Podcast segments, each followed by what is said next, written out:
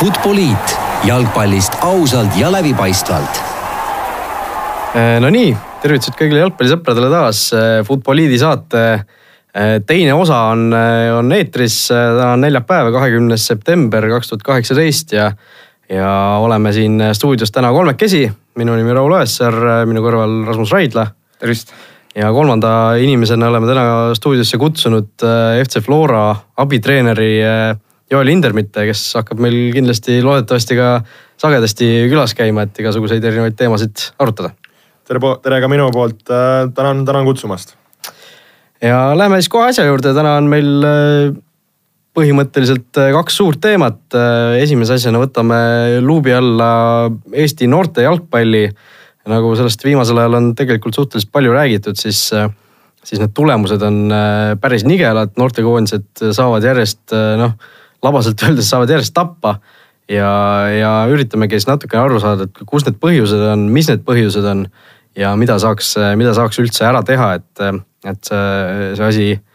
asi nüüd nii äh, inetu välja ei paistaks. siis võtame muidugi need kiired rubriigid vahepeale nädala tsitaadi juures natuke räägime ja nädala küsimärgist ja, ja lõpetuseks eh, siis ka meistrite liiga mängud võtame natuke läbi, mis siin selle nädala esimesel poolel olid, nii et alustame siis sellesama noortekoondiste teemaga. Rasmus, sa olid välja otsinud meile natuke statistikat. noortekoondised on viimastel aastatel ikka päris nukra, nukrad numbrid, ütleme nii, tabloole sättinud jah, ütleme, kui me võtame kõik noortekoondised alates U kuusteist kuni U kakskümmend üks, siis ma ei hakka neid äh, nii-öelda eraldi ette vuristama, aga ütleme, kui need kõik kokku panna, siis on kolmkümmend mängu, kolm võitu, viis viiki ja kakskümmend kaks kaotust. Väravate vahe kakskümmend kaheksa, kaheksakümmend üks ehk siis miinus viiskümmend kolm. Ja sellest kahekümne kaheksast väravast on löönud Šapovalov kümme väravat siis ehk sisuliselt kõik, kogu muu punt on löönud kaheksateist väravat ja lasknud kaheksakümmend üks ja et no sisuliselt keskmiselt kolm väravat per mäng ja siin oleme kaotanud Luksemburgile ja treenerid on pärast öelnud, et no ei olnud selle tempoga harjunud, et kogu selle asja peale nagu tekib küsimus, et eh, kas me oleme lihtsalt andetud või on see midagi süsteemselt eh, viga, et eh, Joel, sina kui endine lootust andev jalgpallur ja nüüd treener, kes on ka nii-öelda kasvõi Flora duublis noortega tegelenud, et. et kus see nagu viga on, et ma ise tean, et on noh, on ka loobujaid palju, võib-olla nii palju treenereid, aga mis sa ise näed, et see kõige keerulisem koht on? No eks äh, neid põhjuseid on erinevaid ja, ja saab mitme nurga alt neid asju vaadata. kindlasti on raske tuua siin ühte väga konkreetset äh, põhjust või, või mingit aspekti, aga, aga ma arvan, kui me mõtleme üldiselt Eesti jalgpalli peale, Eesti jalgpallikultuuri peale, siis äh, võib-olla ongi selline äh,, kuidas öelda, kvaliteet võiks olla üks, üks märksõna. et mis tööd me klubides teeme ja, ja samamoodi ka kvaliteet siis ka koduliigades ehk kui me mõtleme nende noorteliigade peale, kust enamus need noortekoondised tulevad, siis reaalsus on see, et need noorteliigad on äh, tavaliselt sellised, kus võib-olla on kaks, kaks-kolm tugevamat klubi ja, ja ülejäänud on sellised, kes võib-olla nii tugevad ei ole. ja nüüd, kui see noor mängija lähebki sellele rahvusvahelisele mängule ja tulevad vastu need mängijad, kes on harjunud mängima kõrgemates liigades, kõrgema tempoga, suurema konkurentsiga, siis see tugevate mängude arv meie noortel on, on väga väike. et ja, ja tihtipeale see nii-öelda noortekoondise mäng ongi võib-olla väikene selline šokiseisund. et äh, ma arvan, see, et me suudaksime pakkuda ja oleksime Eestis veel omavahel konkurentsivõimelisemad on, on, on nagu üks, üks punkt see, kuidas me saame mängijaid paremini ette valmistada selleks, et nüüd, kui see tuleb, see noortekoondise mäng ja, ja tugev vastane, et siis, siis me oleme selleks äh, igatpidi, igatpidi valmis mõneti siis ühesõnaga peegeldub see ka ju täiskasvanutes, kus meil meistriliigas on ka ju samamoodi noh, kaks-kolm-neli eh, väga tugevat klubi, eks ju, kes meil kulla peal heitlevad ja ülejäänud on eh, noh, kes on poolproff, kes on amatöörmeeskond, et tegelikult ju natukene selline sarnane asi, kui, kui klubides, klubid lähevad euromänge mängima, siis on jällegi selline noh, nagu sa ütlesid, šokiseisund, eks ju. ja just nimelt, et äh, noh, noorteklassides olenevalt liigast ja olenevalt vanusest see, need äh, variandid on erinevad, et vahest ongi sul kogu liiga väga ühtlane mõnes noorteliigas on sul ainult üks väga tugev võistkond, et et see on ka selline aastakäigu küsimus, et kui me vaatame ka noortekoondisi, siis mõned äh, noortekoondiste aastakäigud ongi natukene hõredamad, võib-olla ei ole seal nii palju mängijaid. ja, ja samamoodi võib-olla see liiga ei ole nii tugev. ja tihtipeale ka, kui me vaatame Eesti noortekoondiste äh, nimekirjasi, siis ka nooremad mängijad mängivad tihti ka vanemates just nimelt, et meil ei ole seda hulka hetkel et neid sellist suurt tuumikut, kellest valida aga, aga kui me vaatame, mida praegu Jalgpalliliit on teinud ja, ja mis suunas Eesti jalgpall läheb, siis tegelikult seal äh, nooremates vanustes juba U neliteist, U viisteist on seal talenditreeningud, noortekoondised, kus seda hulka üha rohkem suurendatakse, kes, kes puutuvad noortekoondisega kokku. ja, ja neid poisse, kes igapäevaselt treenib üle, üle Eesti, on, on kordades rohkem, kui oli võib-olla mõndadel varasematel aastatel. siis äh, ma arvan, selle hulga suurenemise pealt on võimalik äh, järgmist sammu teha aga sedasama, samal hetkel seda tööd tehes me ei tohi unustada, et me peame klubides tegema veel paremat tööd, eh, parandama kõike sellele, nende mängijate ümber ja siis on meil võimalus eh, see samm edasi astuda, et niisama iseenesest need asjad ei, ei juhtu. ma küsiks vahele, et ütleme, see on arusaadav, ma ise olen ka mänginud noorteliigades, kus on, mõned ongi tagumised tiimid siuksed pool mahlamütsid, aga teisest küljest on jalgpall nagu kõige, noorte poolt kõige harrastatavam ala ja samal ajal noh, on ka väiksemaid ju riike, Luksemburg, kellele me kogu aeg kaotame, et ega neil ka seda massi pole. et mul on tunne, et ikkagi, et see kindlasti on probleem, et ebastabiilne tase, aga peakski sellega tegelema, et ütleme kuskil Haapsalus või kus iganes sealt toodetaks ka häid jalgpallureid. ja just nimelt, eks noh, Luksemburg on natukene võib-olla omaette teema seal, kuna väga paljud noored siirduvad kõrval olevatesse tippakadeemiatesse, need võimalused on, et meil meil kahjuks selliseid kontakte ei ole, aga, aga tõepoolest, kui me suudame nii Eesti meistriliigas kui madalamatesse liigadesse välja, samamoodi noorteliigades luua sellise, sellised tingimused, et nad saavadki aastast aastasse väga häid mänge siis on võimalik see järgi astuda, aga nagu sa ise ütlesid ka, siis see tase on väga kõikuv ja, ja seal võibki olla nii, et ühe liigamängu võidad viisteist null, ühe viis-null ja, ja järgmise mängu kolm-null, et. et samamoodi nagu Raul sa välja tõid, siis on ka nii-öelda Eesti meistriliigas sama lugu, et et kui sul nüüd üks hetk tulebki see tugev mäng, siis, siis on sul keeruline seal hakkama saada. no mainisid seda, et äh, klubis peab, eks ju, paremat tööd tegema. no lihtne küsimus, eks ju, et mille taha see praegu jääb? Äh, eks seal ole ka palju põhjuseid, eks ju. üks asi, mis me enne mõtlesime ka natuke on, eks ju, see treenerite tase, eks ju. et äh, kuna ilmselt siin nüüd kaks tuhat kolm, kaks tuhat neli vanuses umbes idee poolest peaks see jalgpallibuum tulema, eks ju, kui, kui sa mõtled, et äh, nemad olid umbes siuksed kuue-seitsmesed, kui Eesti ju, Eesti koondis ju väga hästi mängis. siis äh, kas on niimoodi ka, et, äh, et neid lapsi on nii palju ja treenereid on vähe tegelikult? ja oleneb nüüd klubidest, et tõepoolest selles, selles vanuses just on see laste hulk väga-väga suur ja, ja klubid on teinud selles suhtes head tööd, et nad on suutnud oma treeningutesse väga palju lapsi nii-öelda tuua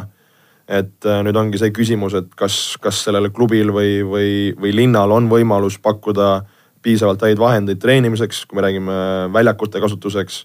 äh, talvisel ajal kui suvisel ajal. ehk tihtipeale ka reaalsus on see, et äh, mõni grupp treenibki seal veerand väljaku peal ja, ja võib-olla poole väljaku peal, kui hästi läheb. et seda luksust, et mõni noortegrupp saaks treenida üksi kogu väljaku peal, mängida suurt mängu teatud linnades ja, ja klubides üldse ei olegi. et see on üks asi ja, ja kindlasti ka võib-olla treenerite ressurss ja, ja treenerite kvaliteet, et olles ise ka seotud siin natukene koolitusega jalgpalliliidus, siis äh, üha rohkem treenerid käib erinevatelt koolitustelt läbi ja, ja töö nime, selle nimel käib, et nad saaksid nii-öelda järgmiseid samme astuda. aga, aga kindlasti ka on meie treeneritel, kui me tahame siin oma kvaliteeti tõsta, väga suur roll enese harimisel, äh, juurdeõppimisel, äh, proovimisel, et, et et me peame, kuna meie see ressurss on nii väike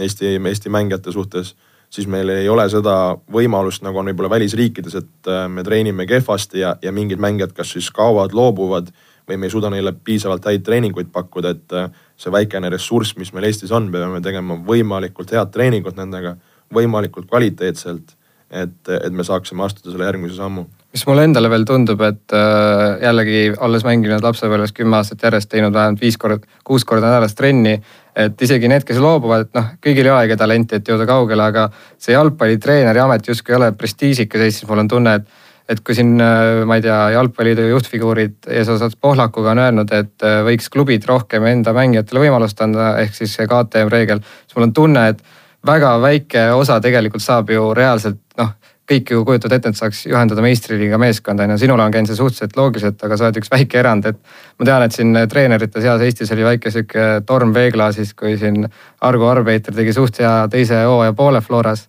ja siis talle nagu ei antud seda uut võimalust, toodi Pipers, noh klubi poolest kõik arusaadav. aga sul jääbki väga vähe klubisid, kuhu üldse eestlane saaks peatreener, peatreeneriks pürgida ja me näeme siin noh ju äh, koondise legende Kristal Prins, kes noh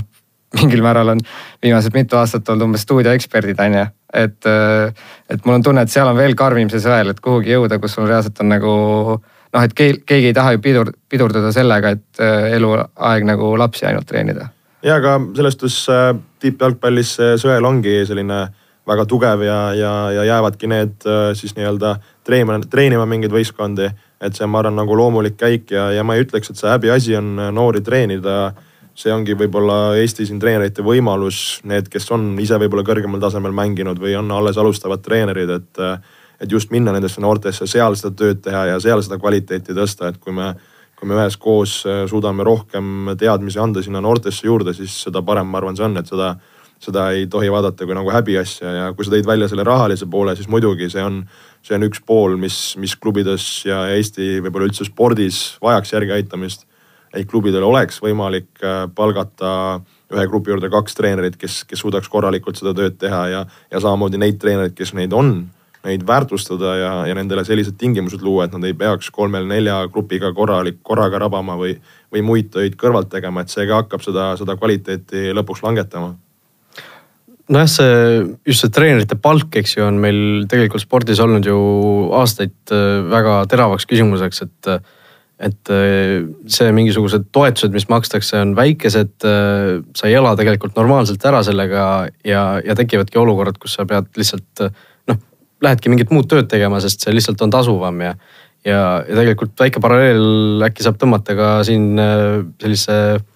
mängijatega, noorte mängijatega, kes ka ju tegelikult Eestis ju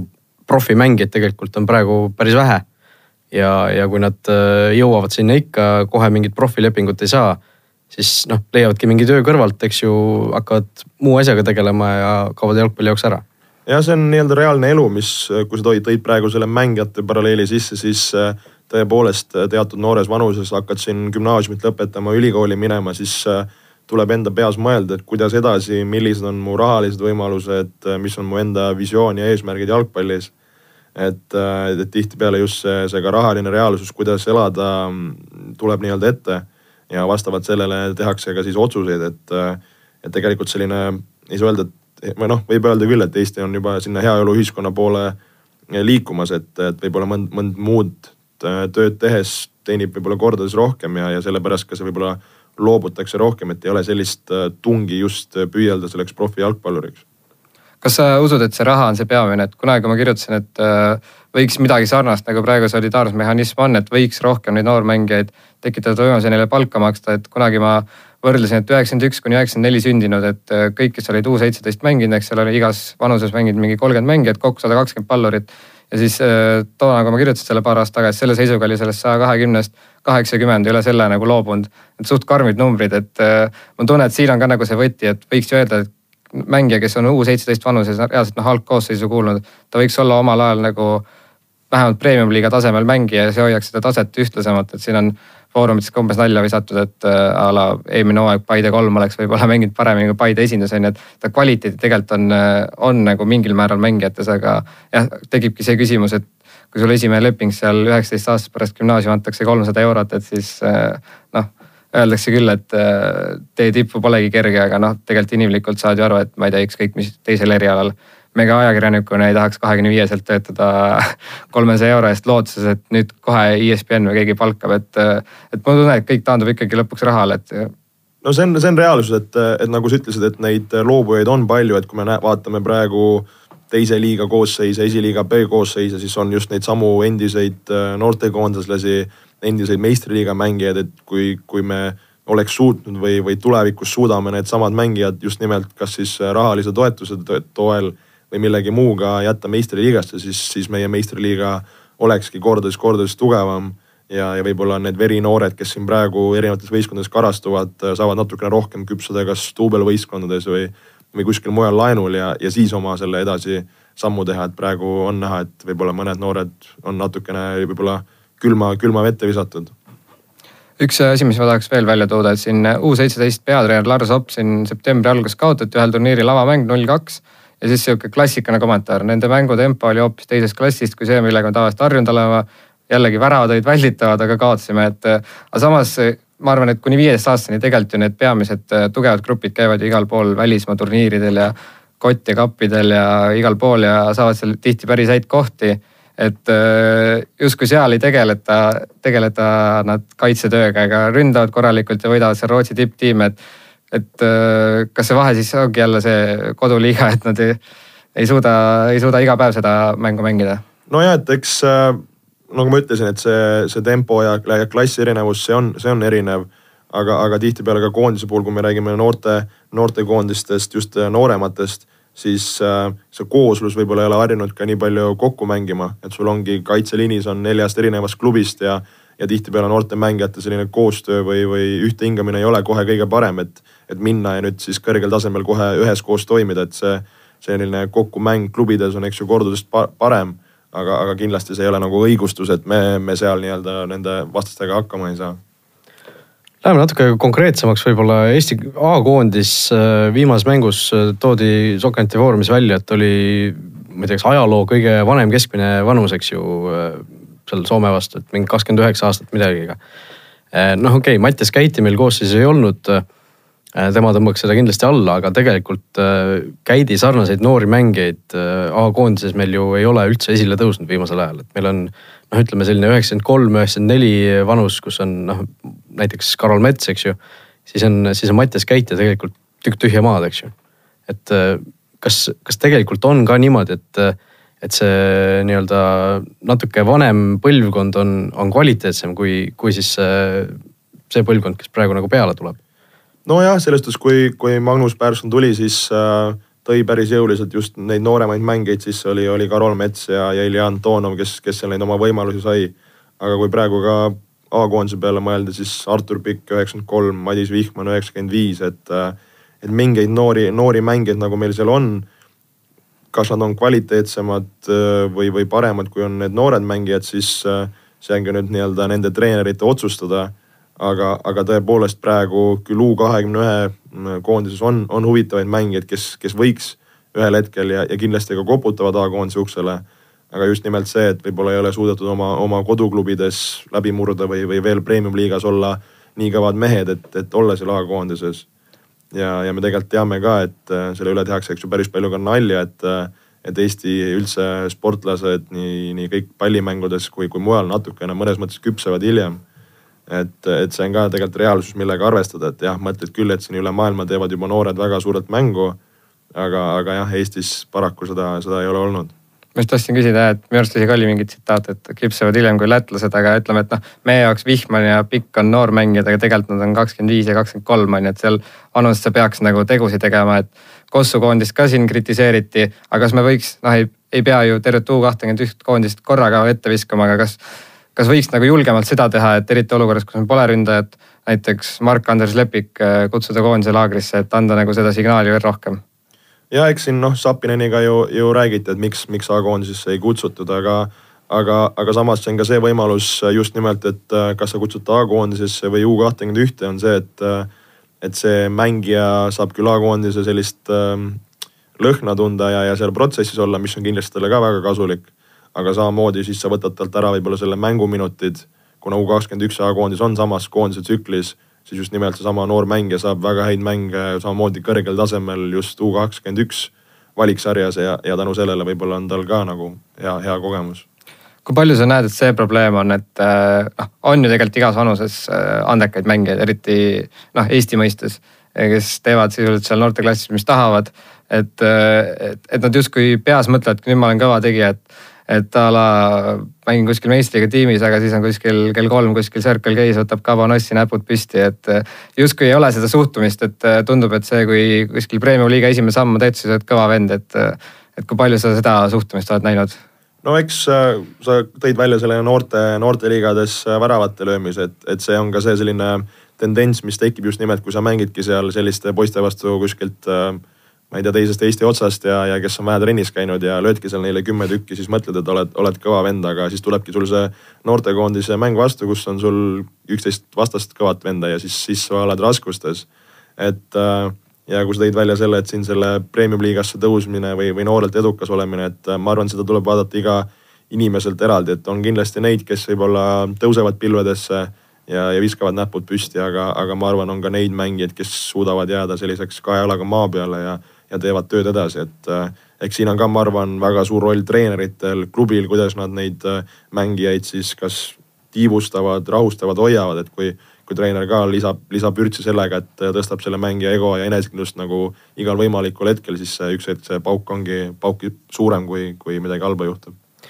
no tuleviku meestest rääkides äh, foorumites ja igal pool on mujal ka välja toodud tegelikult üks nimi, Aleksandr Šapovalov, äh, viieteistaastane poiss äh,. Flora duublis praegu mängib esiliigas sel hooajal neliteist mängu, kuusteist väravat, tegelikult numbrid on ju vägevad. no kas ta on sellist tüüpi mängija, noh, meie ei ole teda ilmselt väga palju mängimas näinud, sina noh, Flora treener ilmselt tunned teda natuke paremini, räägi. räägi, ütleme, mis mängija tüüp ta on, kas ta on reaalselt selline suur tipuründaja, kes lööb ära või ta on või ta on mingisugune ääremängija, räägi natuke tema, ütleme, mängija stiilist. ja eks äh, on tegemist, tegemist huvitava mängijaga ja, ja selline taust ka tal äh, Leegioni noortesüsteemist on, on, on tulnud ja, ja seal ka väga palju väravaid siis äh, noorteliigades erinevates kõmmutanud. aga praegu jah, tegemist sellise tipuründajaga, kõigest kaks tuhat kolm aasta poiss, et ei ole veel füüsiliselt väga nii-öelda välja arenenud siis oma gabariitide poolest ja ei ole võib-olla kõige suurem ja tugevam aga samas, äh, mis tema kasuks räägib, on selline väga hea stardikiirus ja, ja selline kiirendus, kus ta siis kaitsjate eest suudab ära joosta. ja, ja, ja kui on tegemist siis juba kastilähistel väravate realiseerimisega ja, ja lõpetamisega, siis selles on ta, on ta tõesti osav. aga, aga kuna on nii-öelda noor ja veel kogenematu mängumees, siis kindlasti selline positsioneerimine, mängu lugemine, võistkonna jaoks töö tegemine, pressing võib-olla on kohad, kus, kus on äh, mehel veel, veel õppida, et äh, on, on tegemist huvitava mängijaga ja, ja, ja tasub nagu silma peal hoida, aga, aga samas äh, ma arvan, ei tohiks seda võib-olla furoori liiga, liiga suureks ka ajada. mis minu jaoks on veel huvitav selle kaks tuhat kolm aastakäigu, kunagi räägiti sellest Oliver Jürgensist, kes on ka tegelikult veel, mängib esiliiga B-s ja lööb seal Nõmmes ka väravaid, et. et see kaks tuhat kolm vist peaks olema ka see vanus, kes läheb kaks tuhat kakskümmend, siin on kodune U seitseteist finaalturniir, et ma olen aru saanud, et pisut meelega hoitigi sihuke vanus, et kui seal keegi võiks silma jääda, et ütleme, kui me toome selle Šapovalovi ja Jürgensi, tähendab Jürgens on kindlasti käinud, ma eeldan Šapovalov ka, et kui nad käivad seal Inglismaal akadeemias, et kas see peaks olema, see on nagu ainuõige viis ju, et noh, me näeme käidi pealt, et ta läks, vist oli kuusteist, läks kohe Evertoni ja noh, täiesti teine tase, noh enesekindlus, kõik muu on teine, et. et äh, nõustud sa, et ütleme, kui sa enne kaheksateist aastast ei ole nagu ütleme välismaa akadeemia uksele koputanud, siis võib-olla ütleme top viis liigad võid ära unustada tulevikus no eks see on sihuke päris, päris karm väljaütlemine ja see võib-olla selliste väljaütlemiste pärast mõned mängijad lõpetavad ka selles vanuses mängimise. Aga, aga selles suhtes kindlasti, kui, kui mida varem meie, meie noored saavad kuskile akadeemiatesse või, või tugevatesse võistkondadesse, seda parem, et kui me vaatame Soome koondist, kes siin Eestiga mängis, siis, siis väga palju oligi just neid noori mängijaid, kes juba, juba välismaal treenimas ja mängimas, et see oli võib-olla see X-faktor, mille, millega nad suutsid rohkem üle olla. aga, aga võib-olla jah, et ei tohi ka selle peale mõelda, et sa nüüd iga hinna eest kuhugi suvalisse kohta jooksed, mis, mis lõpuks su arengut võib-olla üldse hoopis kahjustab, et tuleb ka see läbi mõelda, millal minna ja kuhu minna, et. et võib-olla ka praegu Eesti spordis, olenevalt nüüd spordialast ka see nii-öelda võrgustik, et kuhu mängijad liiguks või läheks, et see ei ole ka võib-olla nii välja arenenud, kui, kui on seda mujal. kui palju sa näed, et sellistel, toome jälle noh võime Šapalost, Jürgensist konkreetselt või noh, üldiselt sarnased mängijad, et kui palju neil juba on selliseid, ütleme mingeid agente või on see puhtalt vanemate töö, et no me teame, et miks Island on edukas, on seal noored lähevad sinna Inglismaale. Redingusse igal pool ja seal on Islandi mängijatel on hea maine, eks. et võetaksegi mängijaid, et noh, ma näen ka, et äkki see võiks olla ka midagi, et me toome sinna järjest noh, kui kaks-kolm eestlast lähevad kuhugi. noh, Mart Poom mingil määral tegeleb sellega, et see võiks olla nagu üks, üks pääseteema pakun. ja just nimelt, et, et pääseks ja, ja noh, oleme ausad, et kui, kui keegi välismaa skaut või, või kuskil äh, klubiboss võtab äh, lahti erinevad mängijad üle maailma ja, ja vaatab, kust nad pärit on ja mis passiga, siis äh, tihti see Eesti pass ei ole kõige võib-olla atraktiivsem nende, nende jaoks ja, ja Eesti liiga samamoodi, et nüüd see kuskilt Inglismaalt see skaut paneb, paneb paksu jope selga ja, ja sõidab rongi või, või lennukiga ja Tallinna, et et see on ka võib-olla koht, kus just nimelt ka need noortekoondise mängud on head võimalused, kus, kus Eesti noored äh, võiksid, võiksid silma jääda oma, oma heade esitustega. mis me kokkuvõtteks võtame, et äh, on lootust, et ütleme viie aasta pärast äh, viie aasta pärast mängivad meie noortekoondised pare-, paremini või ongi see paratamatus, et meie valik on ahtak, taseme jääbki selliseks, mis sa näed? No ma ütlen niimoodi, et me ei saa Eesti jalgpallis jääda selle, selle vabanduse taha, et äh, neil on paremad võimalused, rohkem mängijaid, et, äh, et selle, selle jutuga me ei, me ei jõuagi kuhugi, et, äh, et kindlasti meil on väiksemad ressursid ja võimalused, aga nagu ma ütlesin, me peame, peame tegema head tööd, tõstma treeningute kvaliteeti, treenerite kvaliteeti, samamoodi ka mängijate oma ja et siis on see võimalus, võimalus astuda see järgmine samm. ja, ja samamoodi on, on rohkem mängijaid sinna peale tulemas, et, et kindlasti ma arvan, asi liigub paremuse suunas, aga, aga siin tuleb, tuleb väga-väga kõvasti veel ka tööd teha. nii, ma arvan, siia joon alla läheme kiirete vaherubriikide juurde. esiteks siis äh, eelmisel nädalal või ütleme siis oli ka eile üks telemäng. Äh, kaks peatreenerit ETV äh, otsestuudios andsid suht kõvasti tuld kohtunike suunas, et toon siin Levadia peatreeneri Aleksandr Rogitši tsitaadi välja, et kohtunike töö oli täiesti kohutav. alates päevast, mil ma Eestit tulin, tahame Eesti jalgpalli aidata, aga tänane kohtunike töö üldse meid ei aita, et kõik peavad olema kõrgel tasemel. Nad polnud üldse keskendunud ja täiesti ettevalmistamata, see ei tule Eesti jalgpallile kasuks. Ja küsib, et kus on see austus mängijate vastu, et siin on noortekoondised, siin on legendaarsed Markus Jürgenson ja Dmitri Kuglov, kus on austus. samamoodi eile Zahhovaiko ütles, et Äh, siin äh, teatud kohtuniku Puparti brigaad tuli niimoodi, et, äh, et kas nad üldse mõtlesid hommikul sellele mängule, et, et noh mulle tundub natuke see, et eelkõige tuleks Rogicist, ma saan aru, ta on näinud maailma kõike, aga kui sa lased seitse, siis võiks natuke võib-olla peeglisse vastata. ja teisest küljest on see, et meil on ju kohtunikud, kes käivad välismaal ka, et pigem ma arvan, et see kohtunike tase ongi suhteliselt liiga tasemele vastav. ei no see on vana tõde ju tegelikult, et et kohtunikud saavad olla nii hea, kui see liiga on, eks ju, et kui sa igapäevaselt saadki, saadki selliseid mänge, kus noh, lihtsalt no offense, aga noh, ütleme Paide ja Pärnu mängivad, eks ju, siis, siis sa tegelikult ei, ei saagi ju nii, nii palju paremaks minna selle pealt, kui sul see tempo ongi madal, aga. aga no kui konkreetselt nüüd nende juhtumite juurde minna, siis Levadia tulevik mängus, eks ju, Levadial, Levadia vist neli-null võitis lõpuks, aga kaks väravat neil tühistati, üks oli ühte ma mäletan äh, väga selgelt, mis oleks tegelikult pidanud lugema, kus oli seal värava esises sagines Kando kuidagi kannaga tõmbas endale üle pea selle väravasse ja, ja vist visati suluseis sealt äh, väga äh, omapäraselt, kus tegelikult ei olnud suluseis uhkagi, et äh, seal abikohtunik, vaatasin Erko Liiv, viies mäng meistriliigas, et äh, noh, võib-olla oligi natukene sihuke sabin sees äh, ja tegi natuke kiirustatud otsuse, aga, aga noh see eilne Paide Flora mäng, noh ma saan aru, Joel, võib-olla sina ei taha siin sõna võtta kiirelt, aga, aga no see Paide ja Zahoiko käitumine natuke oli ikka, olgem ausad, piinlik, et, et noh see, kuidas Paide Facebooki leht äh, suure uudise pani, äh, tsiteerin praegu caps lock'iga, kohtuniku küsitavad otsused murdsid Paide kuue minutiga. Äh, jah. kohka jah, et kolmandal ja kuuendal minutil Flora, eks ju, eile väravad lõi.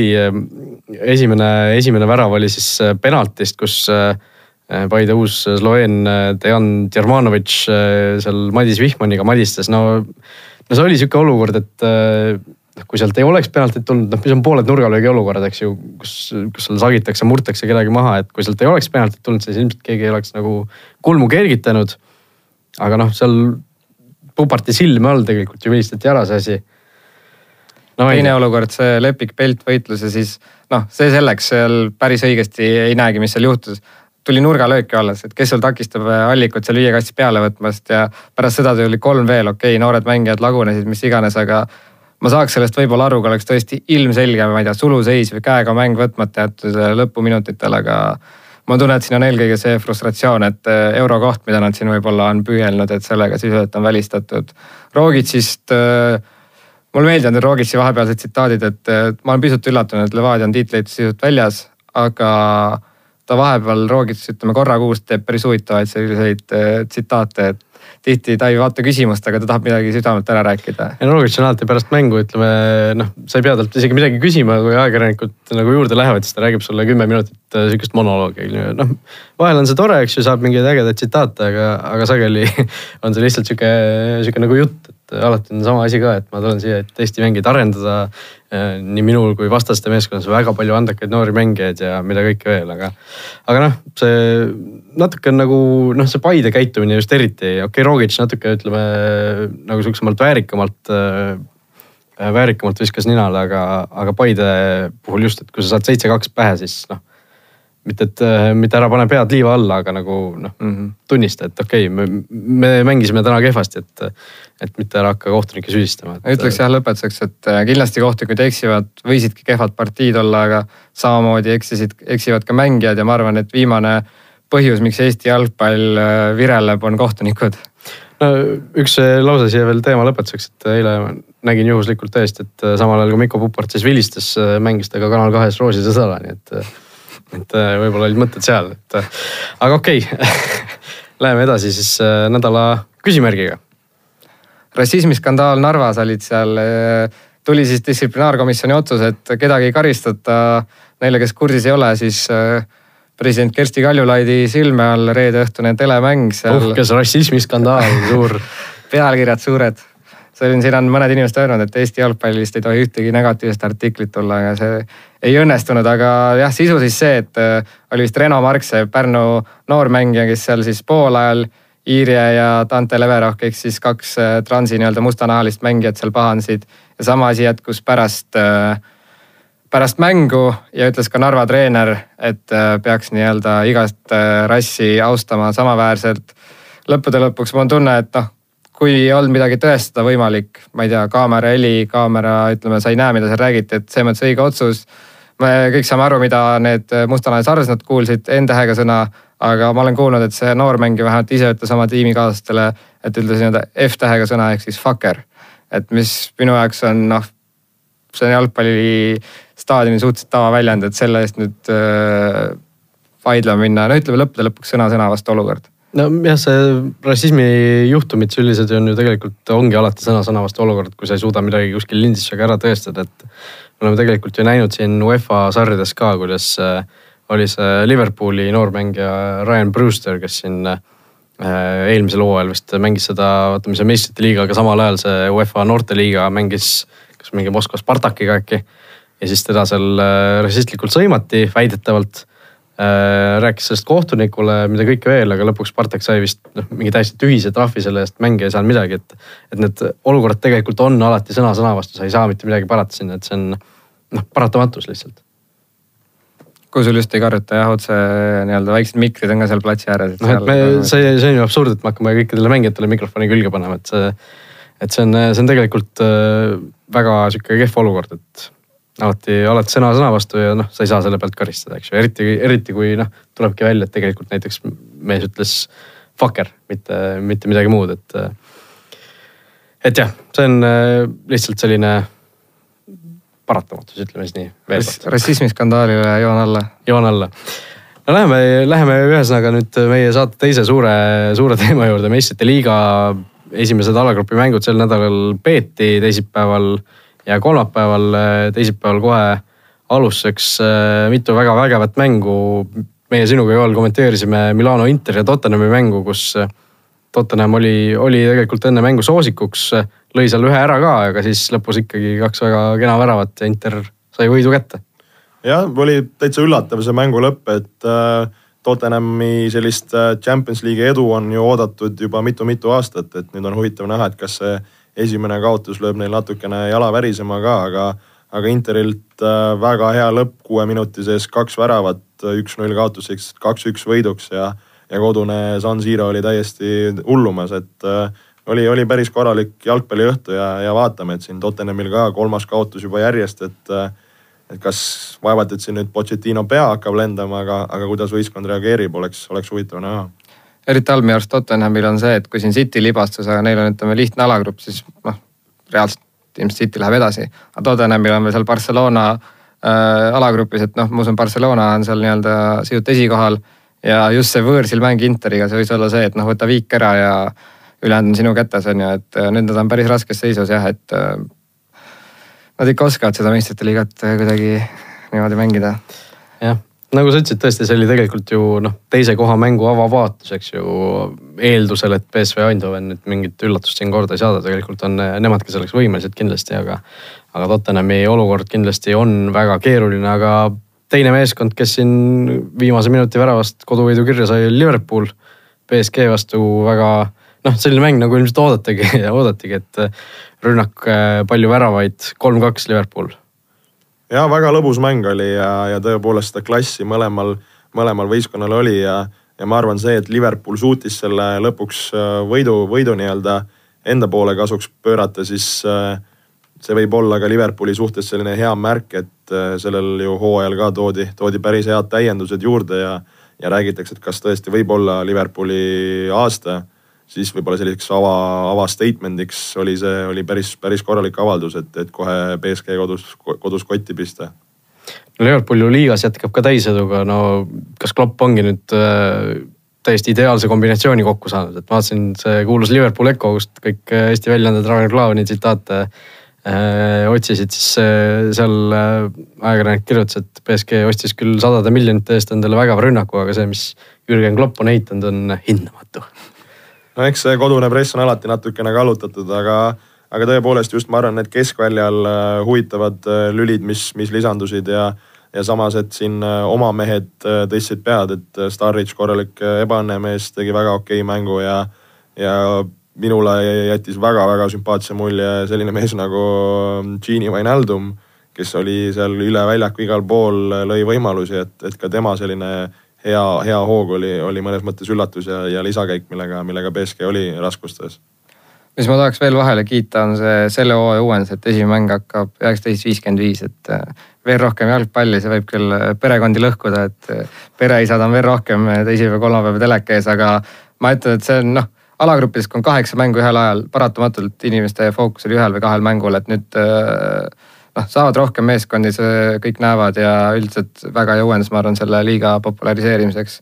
üks asi, mis mulle lihtsalt endale tundub kummaline, et äh, noh, meil on väga head ajad, aga ütleme Inglismaal seitseteist viiskümmend viis esimese mängu algus, et inimesed otse töölt äh, pubisse ja öösel koperdavad kuidagi koju ja siis on kolmapäeval samamoodi, siis lähed laupäeval oma lemmiktiimi vaatama, et seal on äh, peretülisid, ma juba haistan päris tugevalt eks see ilmselt nii ole. tõesti, need mänguajad äh, on äh, minu meelest ka üks väga hea uuendus, ma tõesti nagu imestan, et miks selle peale varem pole tuldud, et tegelikult kaheksa mängu oli muidu korraga, et. et võimatu kõiki, kõiki huvitavaid matše otsapildis jälgida, noh praegu ka tegelikult kuus mängu korraga, eks neid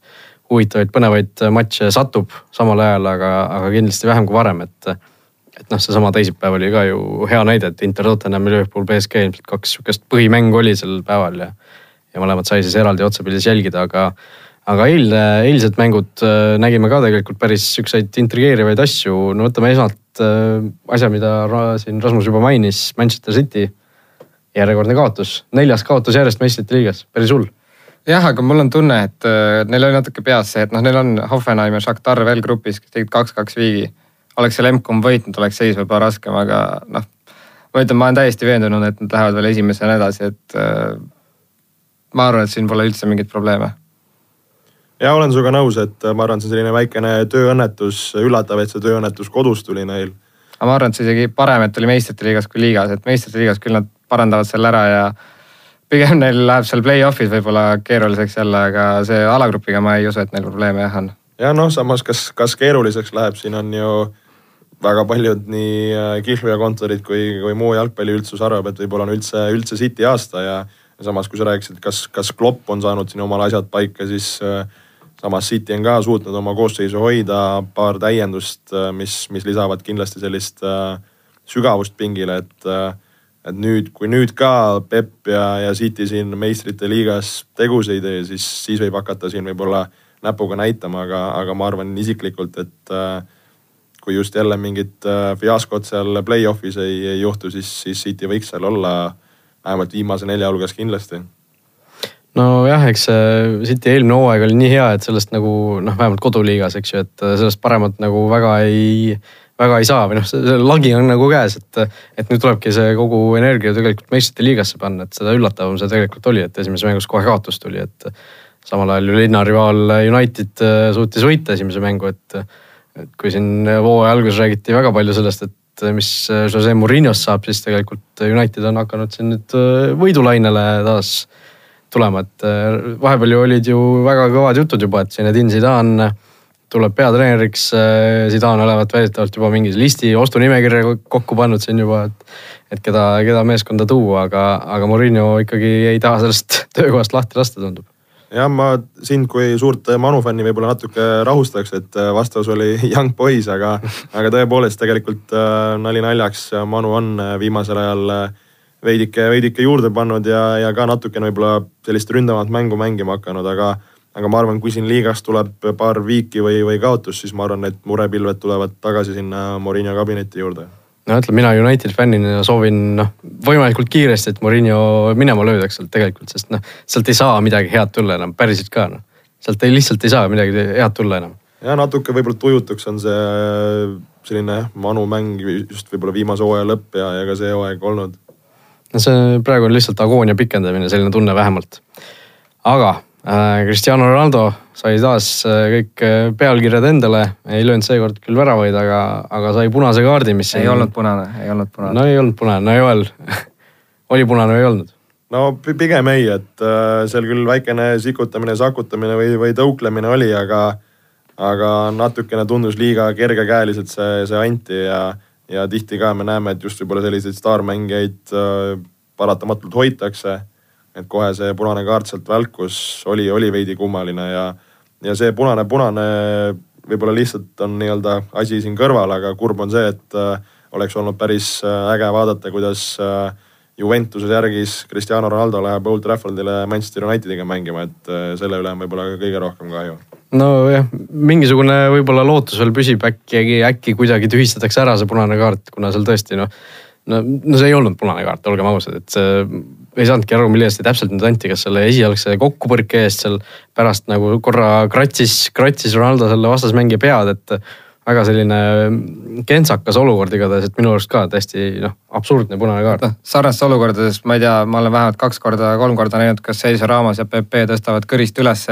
ründajaid, kes äh, nii-öelda sukelduvad kastis, et äh, see käib jalgpalli juurde, et no las olla kollane, aga sa ei saada selle pärast äh, mängijat, mängijat ära, et seal tagantjärele üritatigi aru saada, et kas siis seal esimene see anti seal altpoolt lõi jalaga, aga ikkagi tundub, et see nii-öelda tutistamine, et noh, see on, see on äh, naljavile, et äh, see võiks olla maksimaalselt kollane ja noh, jalgpalli juurde käivad siuksed emotsioonid, et äh, ma ei tea, MM-il nägi ka mitu korda, kui seal kaheksakümne viienda minuti kanti meeskond, kes üritas väravat lüüa, siis noh, ma ei tea, seal kukub keegi ja tõstetakse püsti lihtsalt ja öeldakse, et ära tee nalja, on ju, et et minu arust samamoodi siin oli, vaatasin seda Cagliari Milani mängu seal, see Darius Rõna seal minu arust niimoodi laamendas kastis ja tõstis seal kõiki iga, igast asendist, et noh, siis ta oleks pidanud ka mitu korda platsilt ära minema, et äh, rumal, rumal punane, noh, ei ole okei okay, vaja nokkida, aga minu arust ei olnud punane. aga kui ma vaatan õigesti, minu arust äh, Manu järgmine mäng on Valenciaga, siis on Juventusega, et kui sealt ei tule pikemat karistust, siis on äkki lootust ikkagi Old Traffordil äh, Ronaldot näha no Ronaldo ise ju tegelikult MM-il ka ju pääses punasest kaardist, seal oli suur varri draama värki-särki, et, et tegelikult äh, meistrite liigas ka ju kuulda on, et äh, veerandfinaalidest alates siis sel hooajal juba tuleb varr ka mängu, et et noh, see sellest räägiti ka siin päris palju, et oleks varr olnud, oleks kõik korras olnud, et Ronaldo tagasi platsil, aga noh mis sa teed, kui ei ole, siis ei ole, eks ju, et. jah, kummaline, et äh, siis nii-öelda varri taga nutetakse, et äh, seda ei ole veel äh, jalgpallis näinudki. nojah, see mm ikkagi andis sellele varri mainele väga-väga suure tõuke juurde, et enne seda ju noh, eriti näiteks Inglismaal, noh, mida meie inimesed ka tegelikult ju rohkem jälgivad Inglismaa meediat, siis Inglismaal ju need üksikud karikamängud, kus seda kasutati, see oli täiesti fiasko ju, mis seal toimus, et mäng seisis viis minutit, keegi midagi aru ei saanud aga noh, MM-il nad ikkagi treeniti kõik kohtunikud nii hästi välja, et, et asi toimis loogiliselt ja, ja õiglus seati nagu üldisel juhul jalule no ma arvan jah, kohtunik õnneks, et äh, vähemalt Juventus võitis selle, et ma arvan, siis oleks seda poleemikat veel rohkem olnud, oleks seal noh, suht tugev alagrupp ka, et äh, oleks seal nagu kaotanud selle mängu, siis oleks kindlasti seda vaidlemist rohkem olnud ja noh, kaks penaltit ka, et äh, ilmselt oleks Ronaldo saanud neid võib-olla hiljem lüüa seal. aga see selleks, viimane asi, mida võib-olla veel võib kiita, et ise vaatasin eile peamiselt äh, Rooma Reali, et, äh, et äh, eelmise aasta siis võitja ja poolfinalist, aga Real ikka sõits päris kindlasti üle, et. et ma näen, et see Ronaldo lahkumine ei ole neid väga, väga nagu muserdanud, et Bale ja kõik teised saavad seal hoopis suurema rolli. ja võib-olla mängivad rohkem meeskondlikult ja, ja selline ühtlasem on see mäng eks ole näha, kui, kui väravaid võib-olla ei tule, et siis kelle poole vaadatakse ja kes neid väravaid lööb, et niikaua kuni Dias, Dias Dias on tõesti väga ilus värav, aga et niikaua kuni, kuni need väravad tulevad, siis ma arvan, ei ole probleemideks äh, põhjust ja, ja väga selline lõbus jalgpall oli ka, ma arvan, mõlema võistkonna poolt, et, et Real näitas sellist head hoogu, olid ees sellised hästi kombineerisid, seda kvaliteeti seal on, me teame ju küll ja küll, et, et tõepoolest tundub, et väga, väga midagi hullu seal lahti ei ole. nii, aga tõmbame vist meistrite liigale joone alla ja läheme viimase teema juurde ja toetaja Optibeti panustamissoovitused. oleme eelkõige keskendunud siis tänasele õhtule Euroopa liiga Tudelange ehk siis Luksemburgi ime versus Milan. Tudelange ei saa kodustaadionil mängida.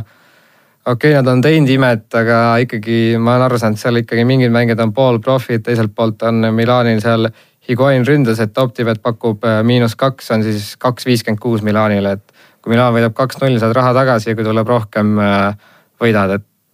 tundub nagu hea koht, kuigi mul oleks väga hea meel näha, kui Tudelan sealt punkti saaks, aga mul on tunne, et see ei õnnestu, et see Luksemburgi klubi on koduliigas kaheteistkümnendal kohal hetkel. et huvitav, et äh, Luksemburgi kaheteistkümnes tiim läheb siis Milaniga vastamisi, et mis sa sellest näed sa, et on seal mingit varianti? no kui, kui, kui kui see Tudelange kõigepealt sinna Euroopa liiga alagrupi jõudis, siis noh, tundub, et äh, mingisugune kvaliteet neil ikkagi sees on, et tegelikult Luksemburgi jalgpall ju noh, mida siin täna mainitud ka natuke sai, on ju viimastel aastatel või noh, eriti sel aastal teinud väga jõulise tõusu. et äh, noh, siin põhjustest ka Joel juba natuke mainis, eks ju, et need noored mängijad lähevad sinna ümbruskaudsetesse akadeemiasse, akadeemiatesse noorelt ja ja tegelikult äh, see, seda kvaliteeti on, et noh, ma seda ka nagu ei tahaks väga uskuda, et see Tudelange päris nagu, et seal mingid päris amatöörid mängivad, et seal ikkagi, kui sa oled Euroopa liiga alagrupi turniiril, siis noh, see kogu raha, mis sealt tuleb, kasvõi selle investeerida sellesse, et davai, et võtke aasta vabaks, et mängime selle Euroopa liiga korralikult ära, et aga noh, see kaks koma viiskümmend kuus oli koefitsient. ja, ja no, kahe kui lüüakse kaks, siis saad raha tagasi, nii et, et tundub, tundub investeerimise koht. see, see on ikka väga hea väärtus, ütleme nii jah teine asi, mis jäi silma, kodune esiliiga äh, Keila Levadia kaks. Keila siis kaotas null kolm siin Velkole, Levadial on tihti käinud siin ees, esitiimist äh, vigastatud olnud Pulavkin, äh, Nesterovski, Karu Tafõigus käinud abiks. Keila viimasest kuuest mängust viis kaotanud, Leva kümnest kaheksa võitnud, et täna kell seitse mängivad ja Levadia võidab vähemalt kahega, on seal kahe, kahe kandis koefitsient, et kui siin koduliigat äh, ka tahad, tahta panustada, siis miks mitte, et äh, Levadial on küll pisut raskusi Keilaga olnud, aga ma eeldan, et seal tasemevahe võiks ikka selline olla, et äh, Levadia kahega võidab ja viimane asi, mis jäi silma, on äkki tuleb täna siis järjekordne Eesti jalgpallur, kes Euroopa liigas platsile tuleb, on Sarpsborg kohtub Türgis Besiktasega ja. mis on koefitsient, et Joonas Tamm murrab Quaresma jalaluu? Seda, seda ma ei näinud, võib-olla veel lisatakse, aga seal mingid uudised olid juba, et äh, Besiktase muru on äh, rikutud äh, Shakira kontserdi tõttu. et see võib-olla annab eelise Sarpsborgile, aga muidu nad on neli mängu Norra liigas viimased kaotanud. Besiktas kodus, neil on see Tomagoi Vida, Pepe, Loris Karius ees, Len-, Lants, Hollandi koondise Quaresma, Negredo ja kui sa paned sinna Joonas Tamme vastu, siis no offense, aga ma arvan, et Besiktas kodus, et uh, it's coming to Besiktas ja vähemalt kahe väraga kodutiimi võit on seal üks koma kaheksa, üks koma üheksa, et see tundub ka selline. vähemalt kahe väraga, no no ütleme jah, ma arvan, jällegi mulle meeldib nii panustada, et ütleme, kui Tudolange võtab punkti, on väga tore ja kui Sarpsborg võtab punkti, oleks ka väga tore, et aga siis on see win-win või lose-lose igal juhul vaata, et äh, mulle endale meeldib kõige rohkem see esimene Milani asi, aga et äh, natuke vaheldust pakkuda, siis pakun need ka välja, et äh, ikkagi see tasemevahe peaks päris tugev olema no mingi tasemevahe seal on, aga jällegi Sarpsborgi puhul ka noh, need võistkond, kes jõuavad äh, nii tiheda sõela järel sinna alagrupi turniirile, et alustavad esimesest eelringist, et. et seal seda taset tegelikult on ja ma arvan, et äh, noh, Sarpsborg kindlasti häbisse ei jää aga, aga jah, no mul endal ka tegelikult üks, üks panus, mis silma jäi siin on natuke hilisemast ajast, pühapäeva õhtul Itaalia Serie A. selline mäng nagu Bologna ja AS Rooma. Bologna sel hooajal tegelikult äh, neli mängu mänginud, mitte ühtegi väravat pole löönud. on siin äh, kuivale jäänud, ütleme siis äh, Spalli, Frosinone, Genoa ja Milano Interi vastu Eesti koondise sündroom jah, et väravaid ei löö, endale pole ka väga palju lastud, nelja, nelja mänguga viis väravat, aga. aga tõesti AS Roomaga siis kodus vastu minnakse ja see, et Bologna ühtegi väravat ei löö. koefitsient on, äh, on meil kaks koma kolmkümmend. jah, pole maha. tundub, tundub ka päris hea väärtusena, et kui siin selliseid natukene sügavamaid koefitsiente otsida kuskilt nii on, aga sellele ka vist joon alla ja vaikselt äh, siis Futboliidi ajaloo teine saade on äh, lõpusadamasse tüürinud. on teil veel lõpusõnasi, Joel, mõni mõte, mis jäi ütlemata? ei, lihtsalt tänan kutsumast aitäh tulemast ja, ja siit me siis tõesti äh, saatele joone alla tõmbame. nüüd nagu just kuulsin, on äh, meie saade kuulatav ka igasugustes iTunesides ja muudes podcast'i rakendustes, nii et endal ka telefonist leidsin täiesti üles, et ei, ei pea tingimata siin Delfi, Delfi kuskilt lehe pealt kuulama, et kui, kes endale subscribe nupu vajutab, siis saab need värsked saated kohe, kohe endale telefoni või kuskile mujale rakendusse kätte, et.